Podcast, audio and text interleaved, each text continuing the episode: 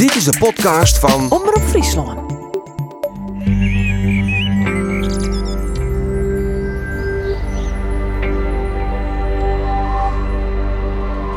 Dit is Beklimmers, de podcast. Is het platteland ta on een nij verhaal? In elk geval stiet u maatschappij van een soort verhorings en waarom zou het platteland daar net in vooroprinnen kennen? In de riege beklimmers van het vlakke loon gaan we op zoek naar die vooroprinners, de vernijende ideeën en initiatieven. En in deze tweede aflevering gaat het over us. En Bart Kingma had praat met Erik Brinkman. Waar is hij, Bart? Hij is beheerder van een, een landgoed, een boetenpleers, moet je zeggen? Ehm, in eh, Haaksbergen in Twente. En dat is heel grappig, want hij is net alleen een beheerder maar hij is ook landschapsfilosoof. Eh, dus hij had hele ideeën over het longenskip en dan net over, en dat wie ik net u's vraag, van hoe zit uw longenskip ervoor? Uh, maar eigenlijk wie u's vraag, hoe verhoren wij u als mensen, als inwoners van het platteland, dat het longenskip? Eigenlijk is het heel simpel. Als je op het platteland woont, moet je een relatie hebben met het landschap. Waarom zoen je oors op het platteland woont? Dan is het alleen maar een, een, een, een belemmering om snel in de stad te komen, zeg maar. Uh, dus maar die vraag gingen we naar uh, Erik Brinkman daar. Van, van, wat is er misschien misgaan in uw relatie met dat landschap? En, en wat is er aan de hand en hoe kun je dat herstellen? Maar hoe zou je er wat mis dan? Villen wij geen bon met, uh, met het landschap als plattelandsbewoners? Nou ja, ik denk dat er wel wat onder de is uh, in uw relatie met het longenskip. Um, uh, vroeger werken we al hier in dat longenskip. We winnen of boer of loonarbeider of we gaan op een fiets naar het, het dorp daarnaast waar we, waar we werk in. Dus we hingen nog wat met het longenskip. En nu stappen we in de auto en we rijden naar de stad. Um, dus we zijn misschien wel wat, wat kwijtrekken. En we komen net meer in die grijden en, en, en, en hoe dat bouwen. Daar rennen we en daar fietsen we haast net meer. Uh, dus er is wel echt wel iets verloren. En, en eigenlijk wie u vraagt van hoe slim is dat? En, en, en mat dat misschien ik oors? En Erik Brinkman die is net alleen een landschapsfilosoof, maar wat ik in het begin zei, hij is ik beheerder van een landgoed. En een landgoed is eigenlijk een hele mooie vorm van natuur, recreatie en boortje in één. En uh, dus eigenlijk is een landgoed een voorbeeld van, van wat die verbindingen er nog wel binnen tussen de mensen en tussen al die verschillende functies. En dat is heel interessant. En Erik Brinkman, die kinderen heel interessante dingen over vertellen. En um, we begonnen uh, op een plak op dat landgoed uh, met elkaar te praten. Wat hij met wetter bezig is. Met wetter proberen ze daar het loon te bevloeien. En op, op met die bevloeiing proberen ze dat, dat loon vruchtbaar te maken. Dat is een al heel interessant verhaal. Daar vertelt Erik Brinkman u oer. En daaruit gaan wij een, een prachtige tocht door dat landgoed maken. Maar steeds die vraag van hoe zit het nou tussen de mens en de natuur. Dus um, hier wij alle maar een landgoed. Dat zou misschien wel het beste wezen. ja. ja, waar wit. Bart Kingma praat met Erik Brinkman.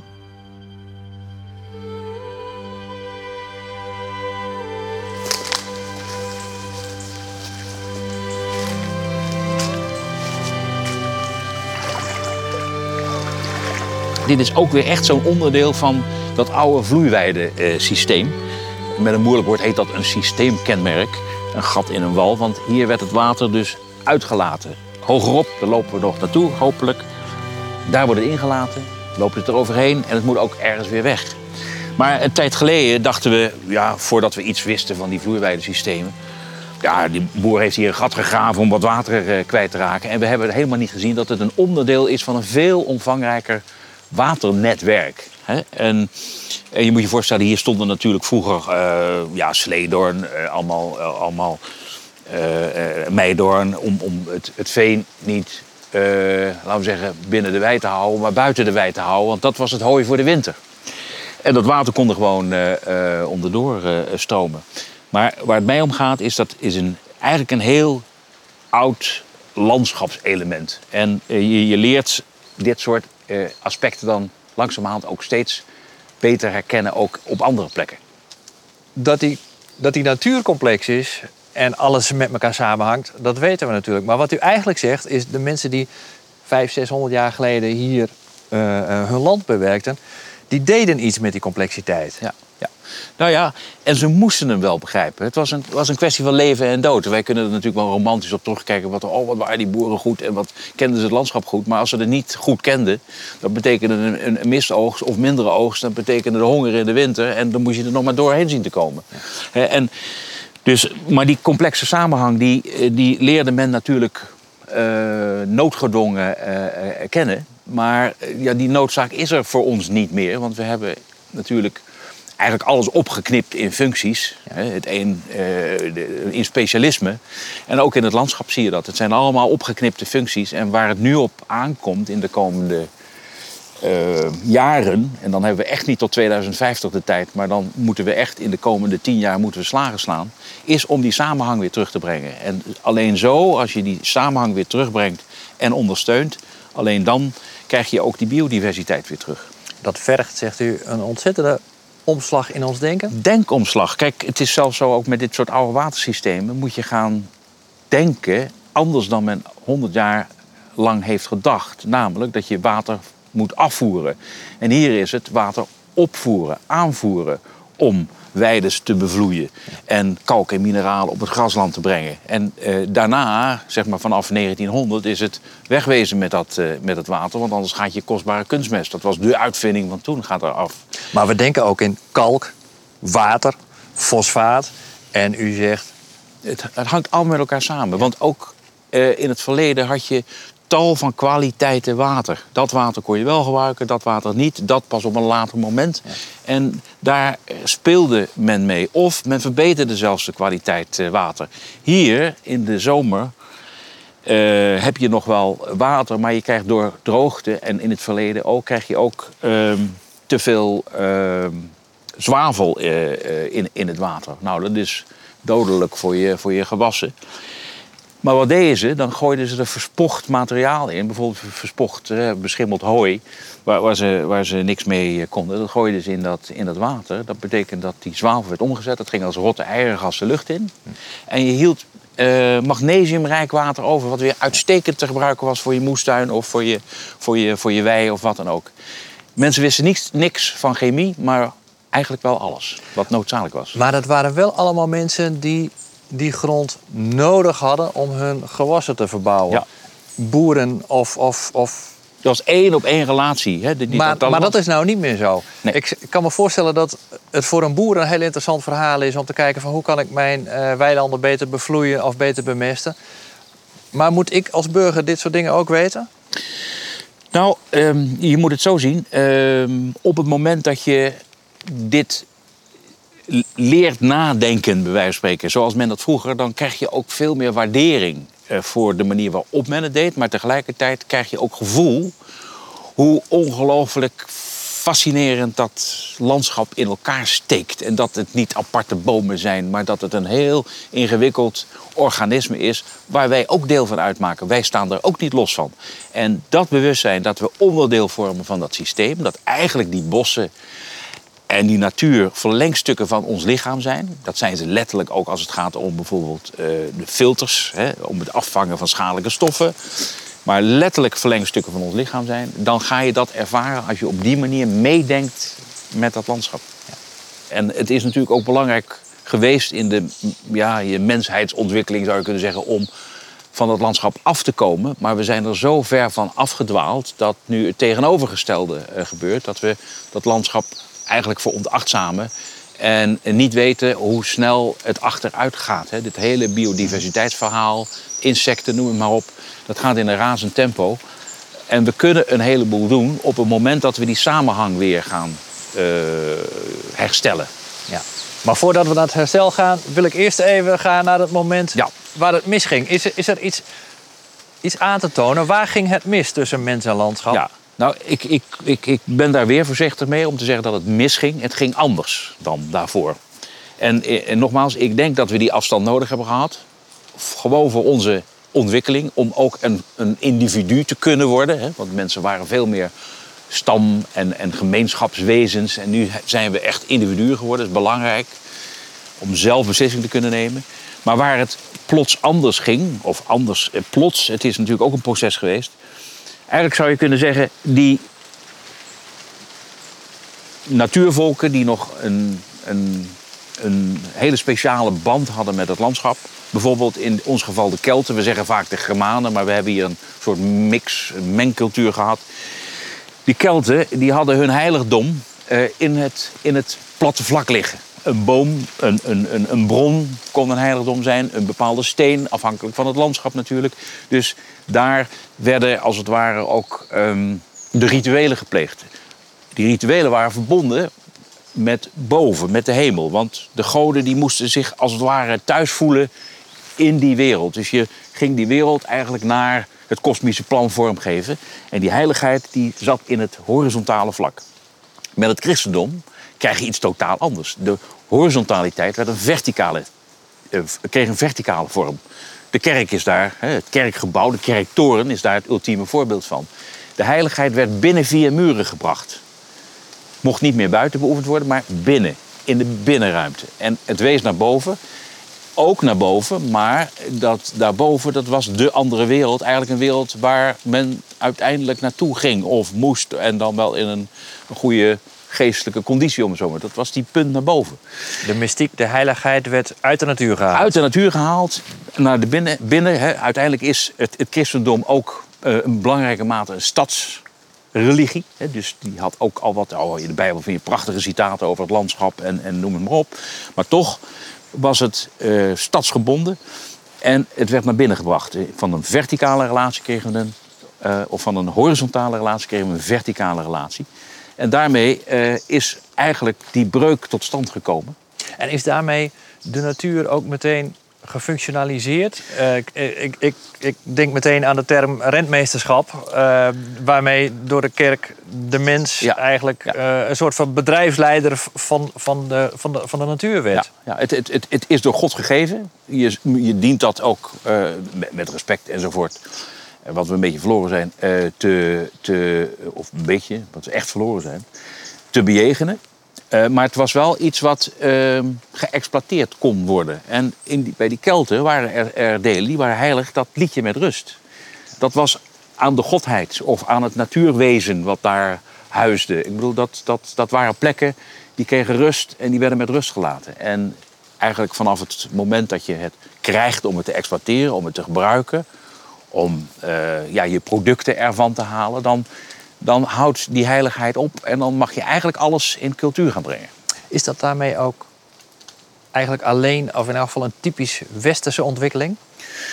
Um, ja, want als je uh, kijkt naar uh, China, dus bij uitstek een landbouwcultuur. Daar werd uiteraard ook verbouwd en geëxploiteerd en, enzovoort. Maar dat is veel meer ingebed in een ritualistisch geheel. Daar werden ook uh, goden, uh, wezens, uh, de, de, hemel, de, de sterrenstand en alles nog wat werd erbij betrokken om die landbouw te plegen. En er waren ook daar heilige plekken die werden uitgezonderd van het gebruik. Dat zie je op heel veel plekken. En je zou wel kunnen zeggen dat het, het, het, christendom wel een heel specifieke scheiding heeft aangebracht tussen natuur en, en, en, en cultuur, die doorwerkt tot op de dag van vandaag. Maar nogmaals, het heeft zijn functie gehad. Alleen nu moeten wij die relatie weer herstellen. En ook dat zie je in hetzelfde christendom zijn er veel onderstromen geweest. Waarin dat landschap in de natuur wel degelijk een, een, een belangrijke rol zijn blijven spelen. Dus het is ook weer kwestie die liggen in, die, in onze cultuur ook vervat. Dus die, die kunnen we er ook wel weer uitpikken. Ja, ik, ik, ik, ik probeer me daar een voorstelling bij te maken. Uh, of beter gezegd, ik, je kunt ook op een ander spoor denken. En zeggen van het, het zal geen toeval zijn dat die christelijke manier van denken in, in het Westen voet aan de grond kreeg. Dus misschien past dat wel bij ons. Dat individualisme, dat rationalisme, dat die, die functionele, dogmatische benadering van landschap. Ja, dat is, dat is vanuit nu geredeneerd, vanuit de techniek geredeneerd. Maar er is in, de, in die hele middeleeuwse traditie, er is natuurlijk wel een, een, heeft een scheiding plaatsgevonden. Maar er, er kwam op enig moment in die geschiedenis natuurlijk ook alweer een terugkeer. Rond 1400 zie je dat in feite de luiken weer open gaan naar die natuur. Die natuur komt op een andere manier binnen. Uh, maar wat je dan op dat moment krijgt, is dat er instrumenten aan worden toegevoegd. Je mag de natuur weer in, maar uh, je krijgt wel bijvoorbeeld de tijd mee. Vanaf het moment dat de natuur weer eh, in zicht komt, zou je kunnen zeggen, rond 1400, is de klok, de, de, het uurwerk, eh, is, heeft een voltooiing gekregen. Want alle steden in Nederland hadden al de klok. En met de klok eh, eh, kun je in feite ook de ruimte in tijdseenheden opknippen. En dan begint vanaf dat moment die vertechnologisering, zou je kunnen zeggen, van die buitenruimte. We keren wel terug, maar met instrumenten. En er zijn ook verschillende rekenmethodes. en ehm, wat heel belangrijk is, het, het technisch perspectief doet zijn intrede. Dus je krijgt allemaal schilderwerken hè, of, of kunstwerken eh, waarin je een technisch perspectief op het landschap krijgt. Perspectiefwerking. En mensen gaan steeds meer dat landschap vanuit het beeld bekijken. En dat geeft ook een gevoel dat je dat eh, landschap ook exact zo kunt vastleggen. Dus je hebt niet alleen de tijd, maar je hebt ook een, een technisch perspectief waarin je als het ware het landschap kunt vangen. Dus we keren wel terug, maar tegelijkertijd treedt dan ook een stuk techniek. Technisch zien en technisch kijken eh, treedt dan eh, in werking. Dan krijg je, eh, dat krijgt zijn optimum, zou je kunnen zeggen, rond 1800. En, maar dan is ook de behoefte aan die natuur het grootst. Dan hebben we de romantiek. Maar je zou kunnen zeggen 400 jaar om technische ontwikkeling. En dan zijn we nog niet eens zover dat de industriële revolutie is uitgebroken. Dat zou nog later zijn. Valt Engeland diep wat voor. Ehm, maar rond 1800 is de, bijvoorbeeld de projectieve meetkunde, om maar iets te noemen, is zo ver ontwikkeld dat wij kunnen hele landschappen kunnen we letterlijk projecteren, kunnen we nagaan maken. In, in, in, in Engeland werden hele landschappen gewoon gebouwd omdat er, genoeg geld was. Maar men was in Italië geweest, daar had je vulkanen. Ik wil ook een vulkaan in mijn tuin hebben. Dus je hebt van die Engelse buitens waar gewoon een vulkaan werd gebouwd. Met, en daar stonden dan mensen te zwoegen om allemaal kolen eruit te gooien, om de gassen te vermaken enzovoort. Maar het kon allemaal nagebouwd worden. Met vijvers, met, met, met, met bruggen. Met... Dus laten we zeggen, die techniek, die, die, die vormgevingstechniek, bouwtechniek, was al zo ver ontwikkeld.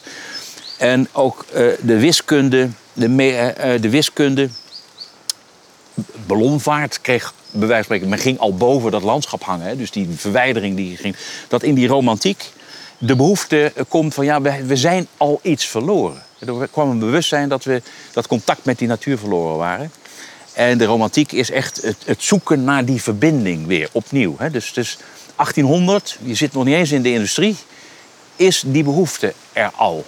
Eh, en dat is fascinerend, dat we een repeterend behoefte hebben om die relatie met die natuur weer te herstellen.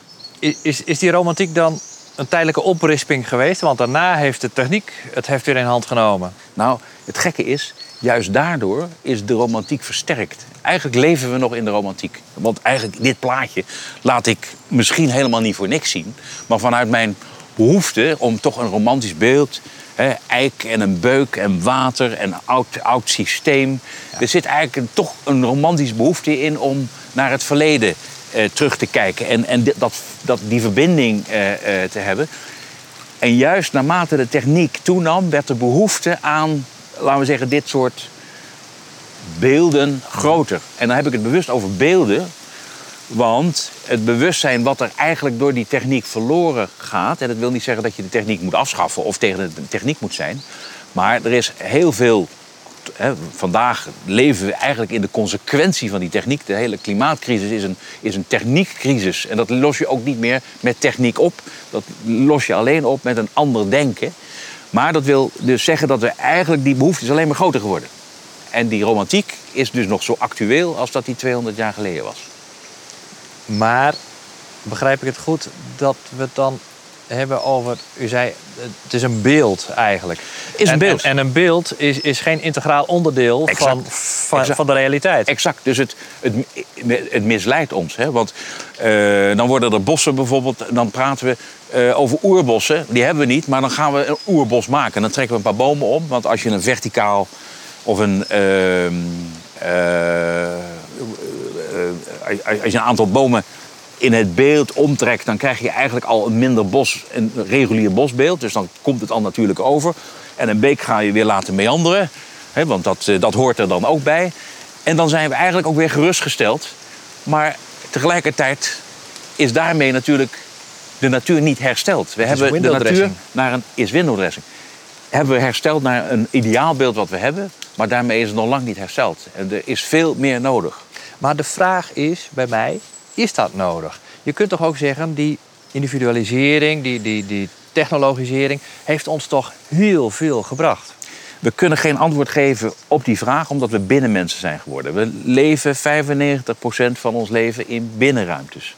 Dus we weten niet eens meer wat we missen. Dus op het moment dat je ehm, de relatie met dat buiten hè, weer gaat herstellen, dat je daar op een of andere manier weer een verweving mee vindt. Er zijn tal van actuele voorbeelden, of het nou een aandeelhoudersboerderij is of noem maar, noem maar op.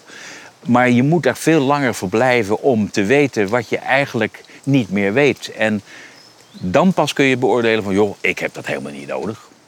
Maar het is misschien wel een leuk weetje om nou even aan te geven. We zitten hier in een groene omgeving. En wij hebben een intrinsieke behoefte aan groen. Wij kunnen meer dan 450 tinten groen of variaties groen onderscheiden als mens. Kunnen lang niet alle dieren, maar wij als mens wel. Waarschijnlijk omdat we ooit in die, eh, door die bomen zweefden, moet je wel weten dat je de juiste tak uh, greep. Maar alleen bij groen? Nou ja, groen is bij uitstek het, het, het, het de, de kleur die, die, die wij het meest uh, subtiel kunnen onderscheiden. En dat heeft er natuurlijk ook wel mee te maken dat we er kennelijk uit vandaan komen. En in ons lijf zit dat groen, zit die natuur gewoon nog verpakt. En kunnen we nog zo lang in de, in, de, in de stad leven. Maar op een of andere manier zijn we er natuurlijk nog steeds mee verbonden. Dus eerst dat contact herstellen en dan pas antwoord geven op de vraag van... ja, is het erg om uh, geen natuur meer te hebben? Even los van het feit dat we die biodiversiteit hard nodig hebben voor onze gezondheid. Maar laat de natuur ook even op zichzelf. De natuur heeft een intrinsieke waarde om die zo divers te zijn als die kan zijn. Het is niet alleen omdat we hem nodig hebben, maar ook omdat de natuur daar recht op heeft. Wij hebben het nu eigenlijk altijd over natuur. Of landschap, of uh, uh, weiland, akkerbouwareaal. Dus we compartimenteren dat. Als, als we kijken naar die middeleeuwen of, of, of naar de geschiedenis... toen was die scheiding er niet, neem ik aan. Um, toen had je een andere scheiding. Je zou kunnen zeggen, men, men sprak in beelden. Hè, dus de hele in bijbelse beelden. En dat was een vormentaal. Maar het was wel een vormentaal die alles verwees naar alles. Er was geen... Als er een berg was of een zandhoop of het was maar een heel klein iets... dan was het al snel de berg van Zion. Hè, zelfs op een, in, in, achteraf plekje in Friesland of in, in, eh, als er maar een bultje was, was het al een berg. Maar de berg van Zion had een uitstraling, had, uh, had een betekenis in relatie tot een heleboel andere bijbelse uh, betekenissen. Dus het was vanzelfsprekend dat het een geheel was. En nu is het vanzelfsprekend dat we dingen opknippen. Dat doen we met ons eigen lichaam ook. Je hebt een, een hartspecialist en je hebt een, een, een, een, een uroloog. En je hebt een, hè, iedereen heeft zijn specialisme, die weet wel iets natuurlijk over het andere. Iedereen heeft ook zijn eigen medicijnen. Iedereen heeft zijn eigen medicijnen, noem het maar op. Dus, maar ons lichaam is ook in, in stukjes en vakjes opgeknipt. En het blijkt dat dat lichaam uh, veel meer een geheel is dan dat we tot nu toe willen weten. Dus daar is wel ook weer, weer wat aanvullends uh, nodig. En dat geldt ook voor de natuur. We hebben landbouw opgeknipt van natuur. Er loopt een strikte scheiding. Groenland is industrie en daarnaast ligt de natuur. Dus het is, uh, aan de ene kant ben je verplicht terecht om aan vogelbescherming te doen. En de bodembroeders mag je, dat is niet verboden, gewoon uh, kapot rijden. Omdat het belangrijk is dat jij je, je, je nieuwe uh, oogst realiseert zo snel en zo effectief mogelijk. Dus dat zijn absurde, on, abs, absurd, absurd onderscheid hebben we gemaakt die tot, ja, die tot echt natuurvernietiging leidt. Nou zijn er gelukkig veel boeren die wel opletten op de bodembroeders en daar, daar mee omgaan. Maar door de bank genomen is die scheiding dus heel erg strikt. Maar dan mag je toch wel zeggen dat er iets is misgegaan? In dat geval is er natuurlijk wel iets misgegaan. En dat is op het moment, het gaat mis op het moment dat de natuur vernietigd wordt. Dat de natuur onherstelbaar beschadigd wordt. En, en, dat zie je dus wel heel degelijk dat de, de bodem in Nederland uh, rap achteruit gaat. Het bodemleven gaat achteruit. De bodemvitaliteit, die heel belangrijk is, uh, uh, ja, die zullen we moeten, moeten herstellen. Dat, dat, is nog wel te herstellen, maar dat vraagt inspanning. En dat vraagt niet het maximale profijt van een, een x-oppervlak. Maar het gaat om een andere manier van bejegenen van de bodem, ook als organisme. Zullen we weer een stukje gaan lopen? Ja.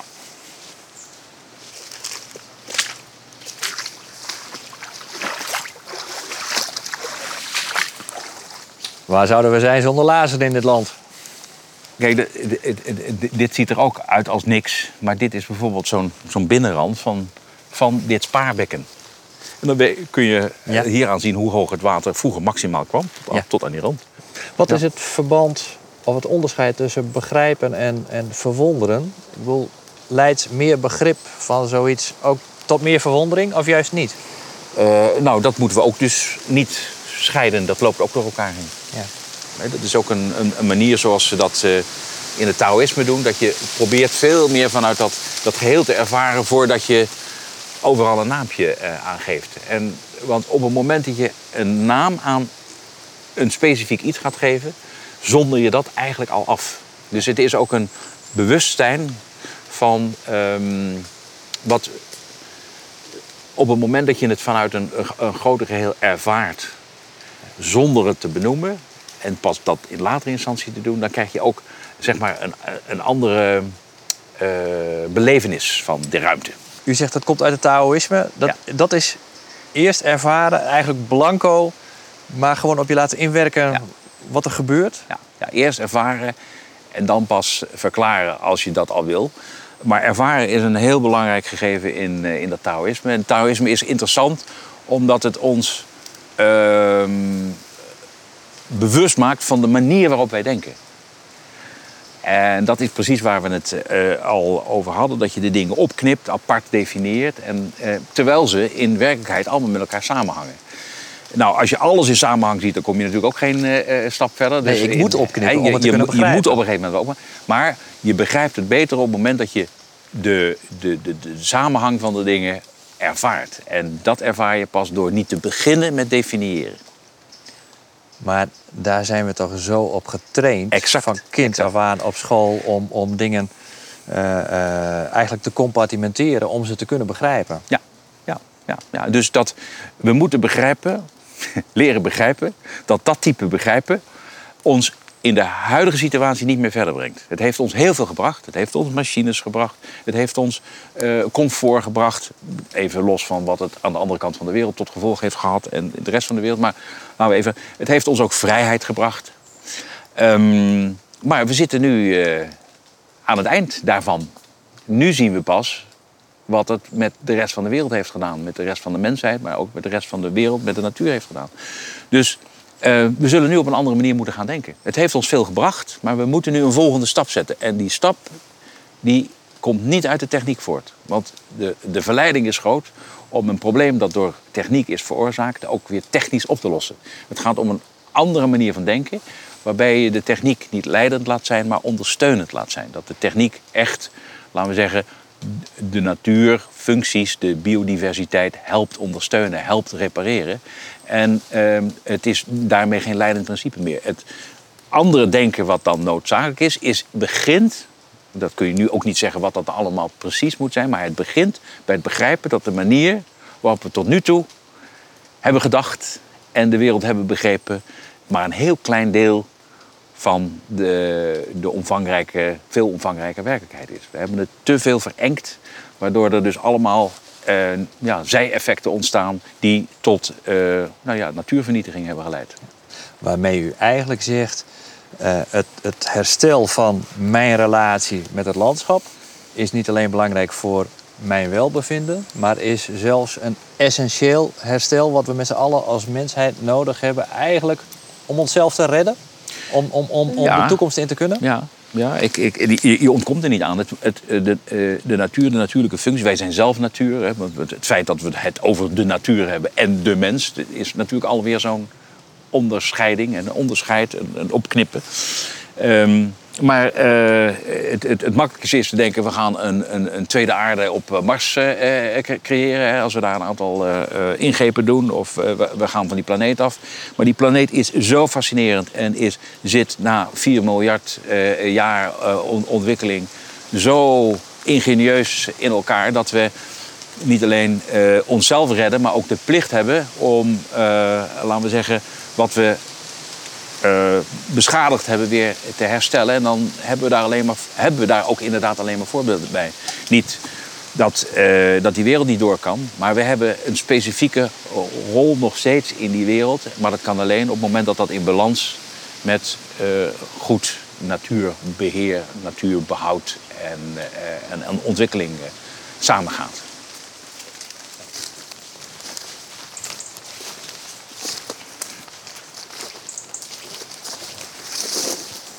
Ja, het is fascinerend. En dan, dit is in feite, hè, hoe oud die boom ook lijkt, maar het is een momentopname. Want die, die, die, die essen die je hier ziet, dat is weer met een mooi woord omgekeerd relief. Dus daar waar je een bolling ziet, daar is wel, uh, hoe zeg je dat, mest opgebracht. Maar die zandrug die eronder ligt, die is daar volgestoven omdat het daar vroeger nat was. Want daar waar het nat is, bleef zand hangen en liggen. Dat zand werd uit de Noordzeebekken geblazen, er was geen begroeiing. En daar waar het nat was, bleef het zand liggen. Dus je ziet aan, die, aan, de, aan de structuur van, de, van het landschap waar vroeger water was. Dus omgekeerd relief. Nou, dat, is, oh, dat is ook weer een kwestie van omdenken. Als ik nou geen boer ben en ik ben geen boswachter, waarom zou ik dit dan allemaal moeten willen weten? Nou, moeten willen, je, je, je, moet, je moet niks. Maar op het moment, ik heb nog niemand meegemaakt, ook op ehm, excursies, uh, die dit vertelt, die het niet leuk vindt om dat te weten. Ja, eigenlijk uh, is het gewoon het verbreden van je, van je blik. Je loopt eraan voorbij, oh dat is een S, nou ja, oh, oh, leuk. Een beetje relief, het landschap, klaar. Maar als je weet wat voor geologische processen daar aan de grondslag liggen... en wat er eigenlijk hieronder gebeurt in die ondergrond... want daar staat nog steeds water in een oude beekbedding. Een beekbedding van 50.000 jaar oud. En die is opgevuld met zand. Nou, iedereen vindt het leuk om dat te horen. En als je dan zegt van ja, maar die beek die, die, die meanderde ook. Dus op het moment dat je in een buitenbocht waar grover materiaal is en er is nog steeds water in die ondergrond, dan treedt die daar makkelijker uit omdat het daar grover is. Nou, kijk, daar staat dus uh, klim op. Maar wat doet dat met nou, je dan, welzijn, met je gevoel als je dat. Nou, je bent er dan mee verbonden. Je, je, je merkt letterlijk dat je je. Uh, je. Je bel om het zo maar even te zeggen, wordt veel groter. Je bent er daar ineens mee verbonden omdat je snapt wat daar gebeurt. Je, je lichaam groeit bijna. Want je, op het moment dat je daar ook komt en je kent die bodem en je weet nu wat er gebeurt, dan krijg je bij wijze van spreken word je onderdeel van het landschapslichaam. Of je eigen lichaam, het is maar weer wat voor beeldspraak je natuurlijk wil gebruiken, maar je eigen lichaam groeit. Dus letterlijk wordt je wereld groter. En je leert jezelf ook relativeren. Want die probleempjes die je allemaal hebt, eh, dat zijn natuurlijk zulke microprobleempjes. Dat wil niet zeggen dat ze niet belangrijk zijn, omdat je geen aandacht. Maar om ze in het grote geheel te zien, waarom is altijd het weerbericht aan het eind van het nieuws? Dan zoom je even uit. Dan hang je er weer eventjes boven. Nou, je zou kunnen zeggen, door met het landschap bezig te zijn, uh, zoom je uit. Maar anders dan dat je erboven hangt, ben je erin. En, en dat geeft toch een gevoel van enorme tijdseenheid, eh, eh, eh, tijds, hoe zeg je dat, periodes. Het feit dat je nou ja, daar onderdeel van uitmaakt. Dat kun je natuurlijk ook weer heel pessimistisch bekijken. Ja, maar mijn tijdstukje is maar zo klein. Dat is maar helemaal de vraag. Er, zijn, er is natuurlijk prachtige poëzie geschreven. Dat op het moment dat je daarin opgaat, dan is er, treedt de tijdloosheid op. Dan is jouw leven niet beperkt tot zoveel jaar. Maar dan maak je op dat moment onderdeel uit van een, van een, uh, een groter geheel, een groter landschap. Maar dan besef je ook hoe al die processen uh, gaan. En daar ga je in op. En dan, ja, dan is er dat, dat gevoel is eigenlijk heel erg belangrijk om die verbinding met dat landschap weer te krijgen. Want dat wordt een onderdeel van jou. Hè. Eh, op het moment dat je in een gebied loopt wat je goed kent, dan voel je dat ook letterlijk, letterlijk de structuur van dat gebied in je lichaam uh, opgenomen worden. Want je hebt een ongelooflijk verfijnd uh, spiergeheugen. Als je ooit eens op vakantie bent geweest in een streek en je kijkt daarna weer op die kaart, dan voel je bij wijze van spreken, of dan activeer je zelfs dat spiergeheugen. Dus je gaat er steeds meer onderdeel van, van uitmaken. En op het moment dat je dan, bij van spreken, zoals ze in het oosten doen, ook nog eens de lucht erbij betrekt. Want dat wordt fascinerend. Want wij kijken eigenlijk altijd van beneden naar boven en houden ergens op, bij de horizon op. Maar in het oosten doen dat is andersom. Waarom? Omdat die hemel al duizenden jaren heel belangrijk is. Zonder hemel geen aarde. Dus die hebben alleen al uit respect betrekken ze die hemel erbij. Dus die beginnen van boven naar de horizon en dan naar jezelf toe. Dus jij komt als het ware als laatste aan de beurt. Wij denken omgekeerd, we beginnen vanuit onszelf. We verklaren de wereld uit onszelf. Dus we beginnen bij onszelf en dan, en dan bij de horizon is wel genoeg. En de rest, niemand kijkt meer naar boven. Ja, de boer vroeger wel, want die ging toch nog even kijken wat de weersomstandigheden waren. Goed voor zijn akkers en wat dan ook. Maar ja, dat kijken, kijken we nu ook op eh, programma's. Maar mensen in Oosterse culturen, die beginnen boven te kijken. Kijken van boven naar beneden tot aan je eigen, Een eigen hele neus. domme vraag van mij, maar wat zie je dan als je naar boven kijkt? Nou, dan zie je de helft meer dan wat je normaal ziet. Eh, daar is eh, geen ordening. Eh, Daar is geen ministerie die daarover gaat, bij wijze van spreken. Dit is allemaal door ons vormgegeven.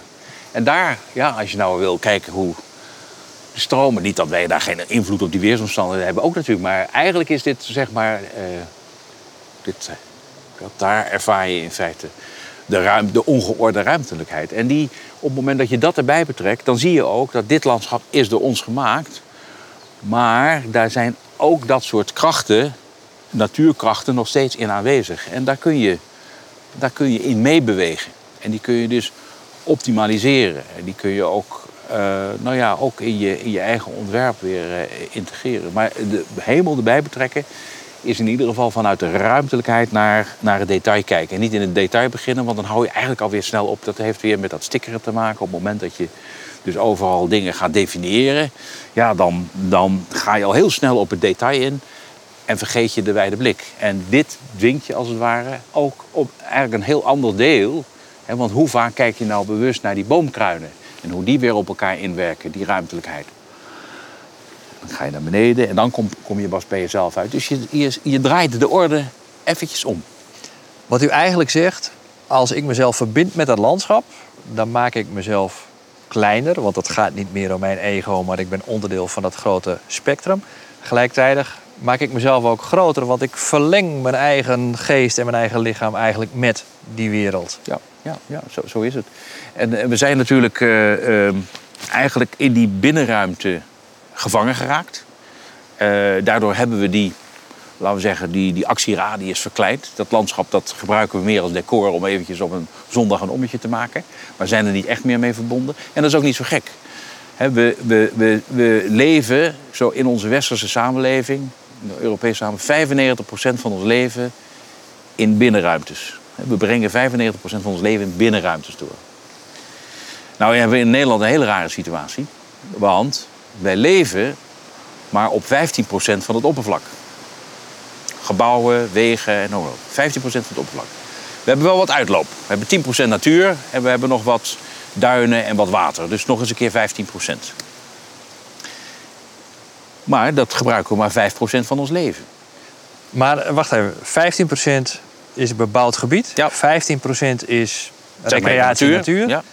70% is 67,5% om precies te zijn, is landbouwgebied. Waarvan de helft is groenland, is gras. En het andere is eh, bouwland, akkers. Ja. En dat gras, dat is voornamelijk eiwit. 1 miljoen hectare. En 1 miljoen hectare akkerbouw. En we hebben dan een derde waar we op, op doorbrengen. Dus het land waar... En daar mogen u en ik mogen daar niet komen. Dat is af, afgegrensd. Dus twee derde van Nederland mag de Nederlander niet in, alleen de boer die het bebouwt. Verboden gebied op een paar klompen paden na, maar dat is, dat is een, te verwaarlozen.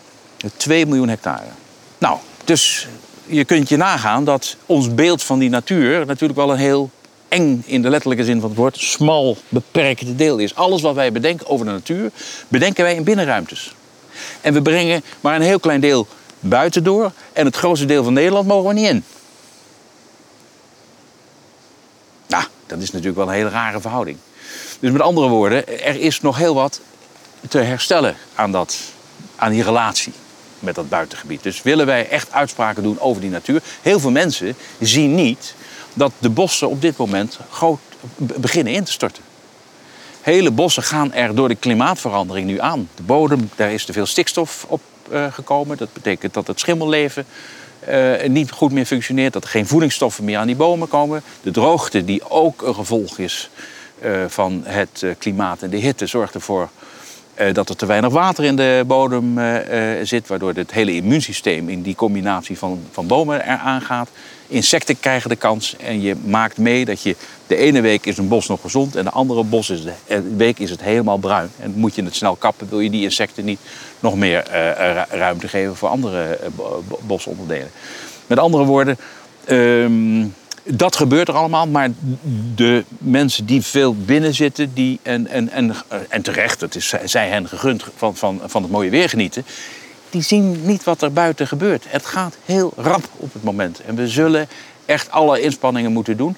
En dat betekent ook dat we eens heel kritisch moeten nadenken over die 2 miljoen hectare, waar alleen maar eiwit wordt geproduceerd voor producten waar nou, de wereld niet op zit te wachten. Dat wordt wel zo gesuggereerd, maar we kunnen veel slimmere dingen doen met, met die landbouwgronden. Met behoud van de werkgelegenheid voor de boeren. Want we kunnen het zo doen dat we de uitstoot van de boerkasgassen vele malen uh, echt kunnen terug, terugdringen en veel meer CO2 kunnen opslaan als we het slim uh, met elkaar organiseren. En eigenlijk zijn landgoederen een voorbeeld van een integratie van functies van bos en landbouw, wonen, recreatie, waterbeheer, uh, natuurontwikkeling, natuurversterking. En dat kunnen we eigenlijk op grote schaal gaan doen. En de boeren zijn daarin een essentiële uh, factor. Want wie gaat dat anders doen? Niet die stadsmensen. Want die hebben dat nooit geleerd en die hebben dat doorzettingsvermogen niet. En de kennis niet. En uh, uh, de natuurorganisaties, samen met de boeren en de buitenlui, die kunnen met elkaar een hele goede conctie aangaan. Maar er moet dan wel een slag worden gemaakt. En, het slag is echt omdenken. De bodem is levend, is een organisme, is niet een substraat waar je zomaar dingen op kan verbouwen en weer afoogsten voor de hoogste prijs. Uh, er kan veel meer en veel slimmer. Uh, en het beeld wat je hier uh, nou ziet, zo'n bosbeeld met ook landbouwpercelen, dat zou wel eens het toekomstige beeld kunnen zijn van Nederland. Op veel grotere schaal. Nou heeft u mij vandaag heel veel verteld over de complexiteit van de natuur en van het landschap. dat kunnen wij toch onmogelijk als burgers allemaal leren of allemaal weten. Wat, wat, wat, wat, is, wat is mijn, niet als boer of als boswachter, maar wat is mijn taak als burger? Wat, wat kan ik als burger doen met dat landschap? Um, laten we uh, het, het, het, het, het zo stellen. Um, alle mensen die we bijvoorbeeld hier ontvangen, maar ook op andere, uh, in andere natuurgebieden van de natuurorganisaties komen, die um, uh, zijn altijd verrast over de veelheid, de diversiteit, eh, dat wat er allemaal in dat buitengebied gebeurt. Dat is de eerste stap. Uh, dat, je, dat, je, ziet wat er eigenlijk allemaal mogelijk is. Aan de ene kant kun je een, een, een, grasvlakte hebben. Dat noemen ze dan ook wel met, met Engels raaien. Dat noem je dan eigenlijk gras, grasvalt.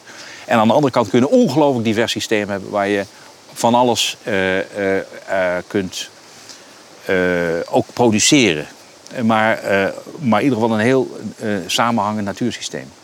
Dat bewustzijn dat het ook mogelijk is om met geringe ingrepen de natuur weer te herstellen. En de kans te krijgen. En we zullen ook wel moeten, want het is, het is echt dringend op het moment. Maar het feit dat dat kan. Hè, je hebt tegenwoordig ook heel veel voedselbossen. Het is ook erg belangrijk. Niet dat dat dan het enige antwoord is, maar het is een deel van het antwoord wat we met die ruimte uh, kunnen uh, gaan doen. En je ziet dat er heel veel mensen uit die stad zich daar aan verbinden. Daar ook bij wijze van spreken bomen adopteren of zelf stukken kopen. Of, nou, ehm, de, de, de herenboer is ook zo'n zo'n voorbeeld. De, de, de aandeelboerderijen, noem het maar op. Um, dat zijn allemaal stapjes om, laten we zeggen, die verbinding met het platteland te maken. Ook weer verbinding met de natuur, maar de natuur zelf ook. Daar zullen we over na moeten denken. We zullen daar met diversere uh, bossen moeten gaan werken om ze klimaatbestendiger uh, te maken, stormbestendiger te maken. Zorgen dat er ook vocht wordt vastgehouden. We zullen met water werken, zoals hier moeten gaan werken om het water zo fijn, mazig mogelijk te verdelen. Zodat je een buffer opbouwt om droge periodes door te komen. En dat, is, dat zien we aan de vrijwilligers hier. Uh, de mensen die hier werken en, en, en, en, en, en, en, meedraaien, gidsen. Maar ook, we hebben hier ook een, een, een, een, een, een, nog een, een, een op de, op, op, op de beek. We hebben vloeiers die meedoen. Um, mensen die in de, in de bostuin werken. Um, je, je merkt gewoon eh, dat die verbinding enorm veel doet. En het leuke is, ik ben ervan overtuigd dat op het moment dat je de mensen uit, uit de stad, om het zo maar even te zeggen, uitnodigt om die verbinding te maken, dat dat proces waar u het nou net over heeft, dat dat vanzelf op gang komt. Maar die ruimte moet open, die ruimte moet ook geboden worden. De mensen moeten ook emotioneel mede-eigenaar van dat buitengebied worden. En dat kan eigenlijk op een hele eenvoudige manier. Daar hoef je uh, geen ingewikkelde stappen uh, uh, voor te zetten. Je kunt nu beginnen. Ja. Ik heb het gevoel dat dat misschien meer leeft in de stad dan op het platteland. In de stad wordt meer biologisch gegeten dan op het platteland, om ja. een voorbeeld te noemen. Ja. Wat is mijn taak als bewoner van het platteland? Wat kan ik als plattelander of wat zou ik moeten doen? Um, nou, laat ik het zo zeggen. Uh, er is wel wat voor nodig om, laten we zeggen, de, de, de plattelanders of de, de boeren, de agrariërs mee te krijgen in zo'n nieuw uh, uh, systeem. En dat heeft ermee te maken dat de, de, de overheid ook moet omdenken. Het is heel onverstandig om te zeggen, je moet inkrimpen zonder dat je echt een alternatief biedt. Je kunt ook zeggen van nee, we, we, we, bieden een inkomensgarantie, maar je gaat andere dingen doen. Als jij die bodem als een organisme behandelt, de bodemvitaliteit verbetert, ja, dan stoot je ook minder methaan mm. en, uh, en lachgas uit. En lachgas is drie, 300 keer erger dan CO2 en methaan 25 keer. Dus je kunt een enorme slag maken door alleen al die bodem beter te behandelen. Als een organisme, als een organisme te behandelen. Nou, daar, daar kan een uh, vergoeding tegenover staan. Dat is, dat is geen inkomenssteun. Nee, dat is een vergoeding voor een, voor een groene dienst.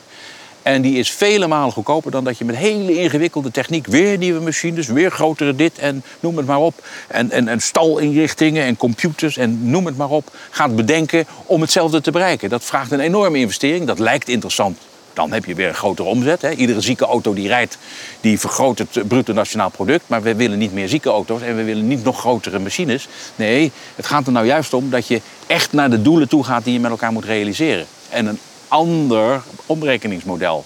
En dan beloon je het minder produceren uh, en, het, en daardoor minder uitstoten. Dat is veel belangrijker dan dat er uh, dat er zoveel ton meer melk of producten worden geproduceerd. Nogmaals, waar er genoeg van is en waar die wereld niet op zit te wachten. Nee, die boer heeft een cruciale rol om het organisme bodem uh, ja, te herstellen. En dat kunnen zij als geen ander. Mensen in de stad missen dat landschap misschien meer dan mensen op het platteland, omdat die daar vaker mee worden geconfronteerd. Maar misschien werkt dat juist wel contraproductief, omdat je het meer mist, ben je eerder geneigd naar uw verhaal te luisteren. En als je op het platteland woont, dan ervaar je het misschien niet zo, omdat het zo, zo gewoon is. Daar zit je ook in een, in een bepaald patroon. Uh, uh, uh, wat mede door die techniek en financiering is ingegeven. Ja, en je, en je, je moet aan die voorwaarden alles voldoen. Dus dan ben je daar toch iets minder mee bezig. En daarom moet het ook gefaciliteerd worden. En dat kan eenvoudig uh, en dan zul je zeggen, ja, maar het is een enorm pro ingewikkelde problematiek. Ja, dat is het wel, maar eigenlijk is de oplossing eenvoudig. Want die 2 miljoen hectare waar we het net over hadden... die 67,5% van Nederland... die levert maar een paar procent van ons bruto nationaal product op. Heineken heeft bijna een even grote omzet... als de hele grondgebonden landbouw. Met andere woorden, het is, als het om die paar miljard gaat... om uh, eh, 15% minder te produceren... Nou, dan is dat makkelijk te financieren als daar nog eens tegenover staat dat je dus minder broeikasgassen uitstoot. Het is eigenlijk heel simpel, maar je moet omdenken. Je moet buiten die techniek om eh, gaan denken. Um, en weer met het landschap mee gaan denken, met die functies en de mogelijkheden die het landschap zelf biedt. Um, en waar het landschap naar dorst. Nou ja, hier lessen we de dorst op door het water vast te houden. Door het water over uh, de weide te laten stromen, zoals die boeren in de middeleeuwen, in de middeleeuwen deden. Want stromend water brengt meer zuurstof in de grond. Dat vitaliseert die bodem uh, weer en je herstelt die bodem eigenlijk in een veel kortere tijd dan uh, als je het alleen maar, laten we zeggen, verarmt door intensieve maaibeheer. Maar dat, dat, stromende water dat geeft een enorme impuls aan, het, aan het landschap. En ik denk ook dat water een van de sleutel eh, processen is. Niet alleen vanwege de droogte, maar gewoon ook wat water doet. Uh, uh, sleutelprocessen als het gaat om, om landschap, landschapsherstel en revitalisering. Eigenlijk moeten we allemaal met u op wandelexcursie om, om, om dit begrip te laten indalen. Ja, maar er zijn, er zijn zoveel goede initiatieven in, in Nederland. Ik noem wat, er is ook een, een, een aantal landgoederen die Soil, soil for You uh, benadering hebben. Ook bezig met die, met die uh, eigenlijk doen wij dat hier ook, bezig met de revitalisering van de landbouw. Er zijn heel veel boeren die ook met natuurorganisaties samen dingen oppakken. Het kan veel meer, het is ook een beperkt percentage nog.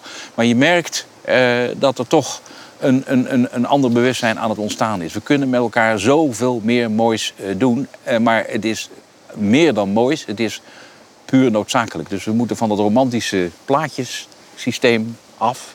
Hè. Romantiek is, is prachtig, ook, ook de hang naar de natuur, maar dat moet je wel gaan concretiseren. Letterlijk in het landschap dingen doen met elkaar. Of het nou planten is, watersystemen herstellen, uh, bepaald maaibeheer, planten tellen, zorgen dat je de insectenpopulaties ondersteunt, maar ook de amfibieën, noem het maar op, die in dat systeem ook weer een hele belangrijke rol. Er is zoveel te doen en er is ook zoveel mogelijk. Dat voor alle Nederlanders is er een taak in het buitengebied. En dat buitengebied, hebben we al gezegd, is groot genoeg als we het gaan omvormen naar de diversiteit die het in potentie allemaal in zich draagt. Mag ik het samenvatten? Die boer uit de middeleeuwen die die complexiteit omarmde en daarin werkte, zou eigenlijk ons voorbeeld moeten zijn. En niet alleen voor de boer op dit moment, maar voor ons allemaal. Dat is, dat is een, denk ik een hele mooie samenvatting. Toen was het noodzakelijk, gewoon om niet om te komen van de honger. Dus laten we het ook niet, hè, zoals gezegd, niet romantiseren. Maar nu is het noodzakelijk om de planeet niet nog verder naar de knoppen te laten gaan. Dus het is meer dan alleen maar mooi en leuk. Het is ook een noodzakelijkheid. Dus het is een, een nieuwe, een nieuwe noodzakelijkheid dat we het op die manier gaan doen. En die nieuwe noodzakelijkheid mogen we niet alleen bij boeren en bij politici neerleggen. Dat is de taak van ons allemaal.